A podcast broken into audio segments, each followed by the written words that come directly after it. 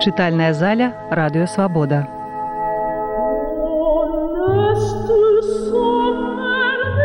Василь Быков. «Стена.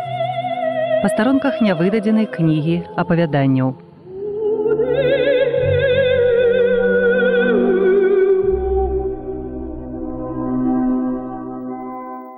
народныя мсціўцы працяг апавядання нагадаю што падзеі адбываюцца ў пасляваенны хрушчоўскі час.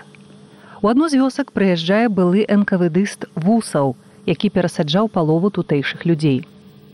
Мужыкі, сабраўшыся за чаркай, гадаюць пра мэту ягонага прыезду і прыпамінаюць ахвяраў рэпрэсіяў і раскулачвання. Нечакана адзін з мужчынаў, Іван памянушцы снайпер, прапаноўвае расквітацца з вусавым.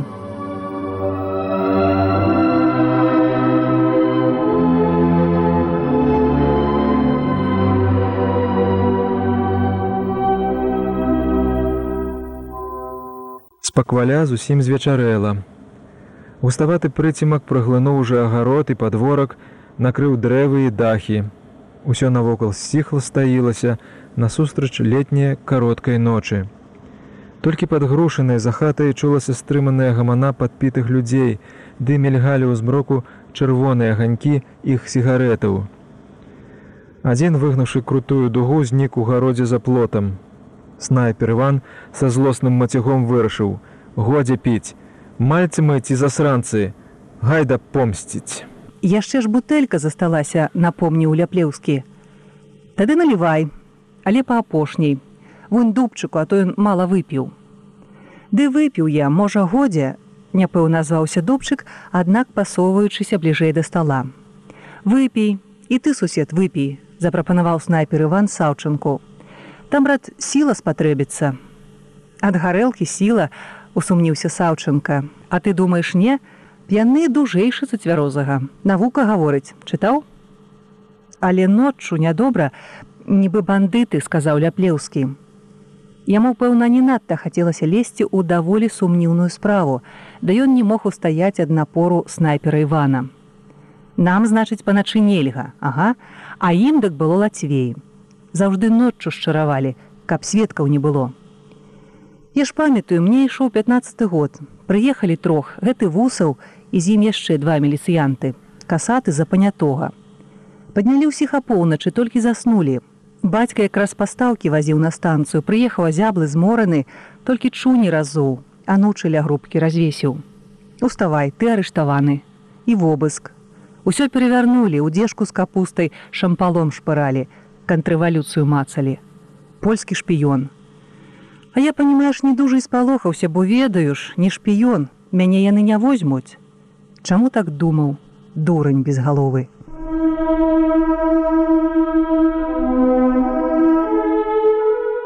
паднялі ўсіх апоўначы толькі заснулі. Бацька якраз пастаўкі вазіў на станцыю прыехаў зяблы змораны. Толькі чу не разу анучаля групкі развесіў. Уставай ты арыштаваны і вобыск.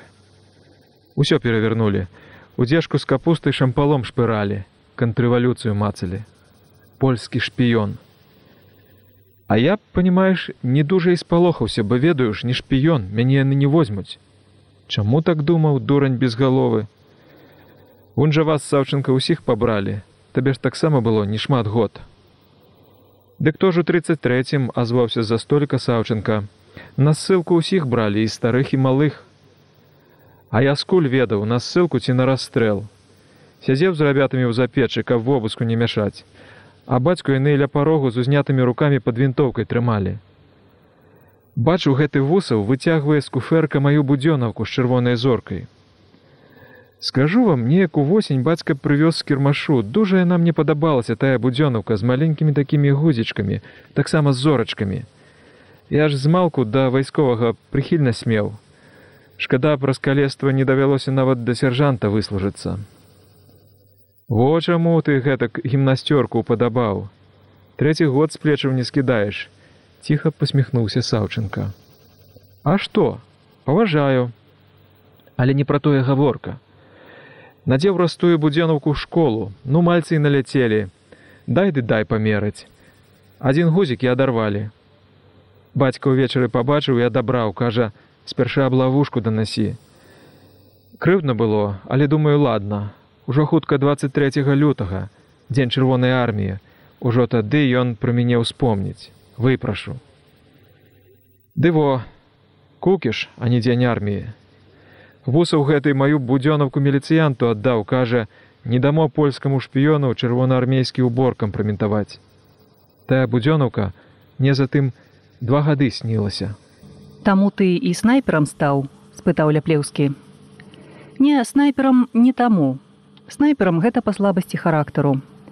У партызанку як вока асколкам выбіла, ну трохі загаілася, а тут блакаду немцы распачалі. Загад усіх інвалідаў у строй якраз снайпера нашага біклагу забіла вінтоўка з прыцэлам засталася каму яе аддаць усе адмаўляюцца то не магу то не ўмею вядома дрэйфяць вот тут адвагі паболей трэба чым з простым ружжом дык камандзір кажа івану ярашевічу у яго адно вока спраўнае а другога няма то і прыплюшчваць не трэба. Будзе біць нямецкіх захопнікаў. Бо я і біў як снайпер. Двух паліцаяў шлёпнуў і аднаго захопніка. Як цяпер памятаю, ранечкай на ўзлеску вылез з люка на танку, узіраецца ў дальні ўзлесак з бінокля. А я пра 100 метраў пад кустом ляжу. Ну я яму і гваздануў прама пад бінокль, так і абвіс на люку. Герой, няпэўна сказаў ляплеўскі. А ты думаў, медаль за адвагу не кожнаму давалі. Ну і камандуй, а мы за табой. Лады мальцы. Тады яшчэ пакаліву і завязалі. А то Не знаю, які ён цяпер, а тады ладны бугай быў. Не думай, не змезарнеў, такія не мезарнеюць, сказаў Саўчынка.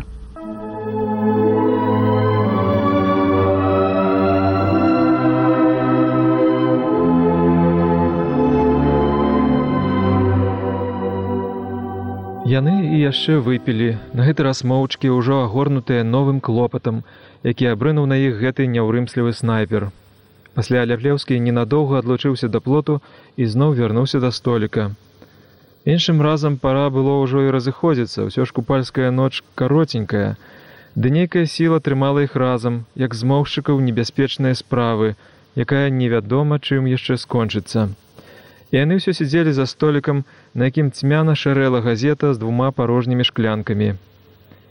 Саўчынка нялоўка неяк саўгануў локцем і скінуў кудысь кавалак хлеба, які тут жа палез шукаць у траве і доўга не мог знайсці, пакуль дубчак не намацаў яго зводдаль на сцежцы. І каб усе разам, каб ніхто не сачкануў, папярэджваў снайпер Іван.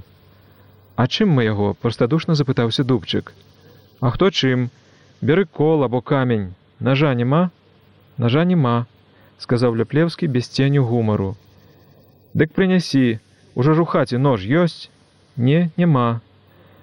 Ну і хозяйства, нават ножа не маюць. А калі зарэзаць каго?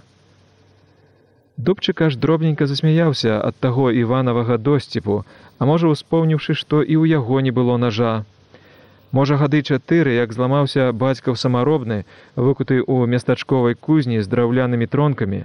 У свае бабыльскай гаспадарцы дубчык абыходзіўся сякерай, праўда, таксама старой і заржаўленай, з нязручнай і кароткай расхістанай ручкай. Яшчэ ягоны бацька калгасны вартаўнік збіраўся яе паправіць. Маці ўсё лаяла яго за няздатны інструмент, ды так і не сабраўся да арышту. Тупаючы марознай зімой ля калгаснага свірану ён усё спяваў прыпеўкі, недзе пачутыя, а таксама уласнага сачынення, часам бязглуздыя, а часам з пэўным дужа надзённым сэнсам. І хтосьці яго учуў. Ці адмыслова падслухаў, як арыштоўвалі ўначы, дык гэты вусаў, мабыць, не стрымаўшыся, працытаваў адну, якая на ўсё жыццё урэзалася ў памяць падлетка сына. У калгасе добра жыць, хто на могілках ляжыць. Бацька тады аж заўсміхаўся з радасці ад увагі да ягонай творчасці. Тады наўрад ці ён прадбачыў, што і сам хутка ляжа на нейкіх могілках. І паўміраюць малымі ягоныя тры дачушкі, састарыцца сынок, а тая сякера інвалід з раструшчаным тронкам усё будзе служыць. Несмяротная сякера. Я гэта па тапор збегаю ціха прапанаваў дубчык. Давай толькі хутка. А ядры яго звер няўжо святая аднак святая пагадзіўся саўчынка.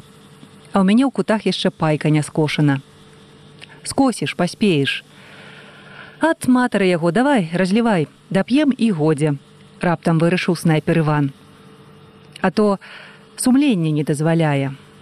Не дазваляе. Сумленне яно тонкая рэч пагадзіўся ляплеўскі ужо бразгаючы бутэлькай аб пустую шклянку. Мне годзе сказаў саўчынка. Годзе так годзе ахвотна пагадзіўся разлівака нам болей дастанецца ага вучитель падхапіў снайпер. Я ўжо пас что так? Ці брата не шкада я ж твайго сергея во як учора помню. Грамотны мужик быў да грамотны і дужа парцейны тоже ў калгас заганяў сказаў саўчынка што ж такая палітыка была?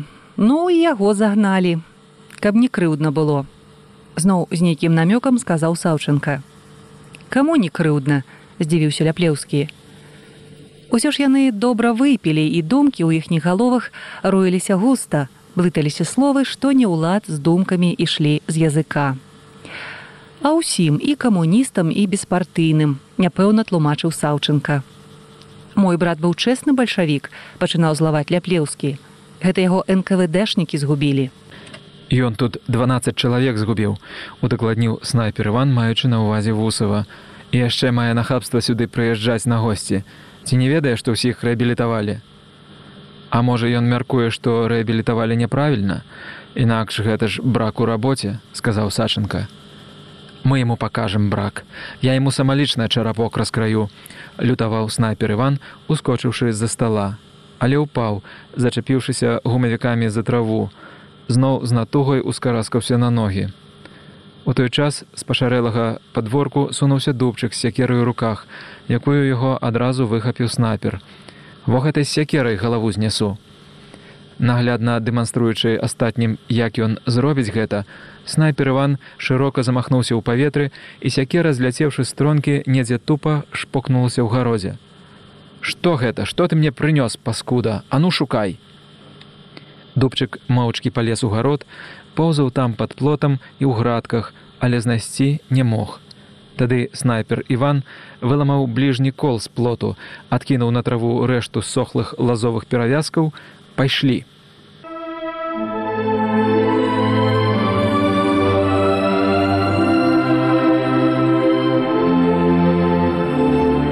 Ён быў ужо на добрым падпітку, але, мабыць, не заўважаў таго. Астатнія, відаць, цверазейшыя за яго, напэўна, ужо сталі разумець сур'ёзнасць сітуацыі і не адразу кінуліся за самазваным камандзірам. Хоць і не стрымлівалі яго. Першым з гатоўнасцю скіраваў за снайперам Іванам дубчык. Пасля за стала ўстаў Саўчынка. Ляплеўскі спрабаваў нешта намацаць на газеце, не ды кінуў і таксама падаўся следам за ўсімі.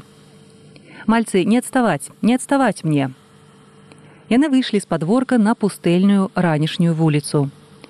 Вёска спала, сонца яшчэ не выкацілася з-за лесу, але навакол было ўжо добра відаць. Недзе ў хляве паблізу спазнела пра кукарэкаў певень. Цераз вуліцу, вяртаючыся з начнога палявання, перабег чыйсь кот. Саўчынка збочыў на свой падворак і прыхапіў на востраную з вечара касу. Прыдасца. Ля плоту зрання ўжо пасілася сівая каза бараніхі. Яна толькі азірнулась на мужикоў і працягвала сваю традыцыйную справу. Бараніхі паблізу не было відаць. Затое ў сваім двары снайпер Іван адразу ўбачыў жонку. Ну вядома, тая не спала, як заўжды, калі гаспадар дзе-небудзь бавіўся і цяпер стаяла ў варотцах. Куды гэта вы? Снайпер Іван зрабіў выгляд, што не бачыць жонкі і важна пратупаў міма з калом на плячы. Тады жонка звярнулася да іншых. Аўдзей дубчык, куды гэта вы? Чакістага біць. Не адразу патлумачыў дубчык. Ай Божа, здурнелі ці што?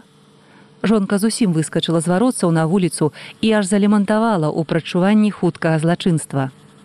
Спыніцеся, не чапайце яго, не рабіце таго, вы сябе пагубіце, не хадзіце туды. Ціха цётка прыкрыкнуў на яе ляплеўскі.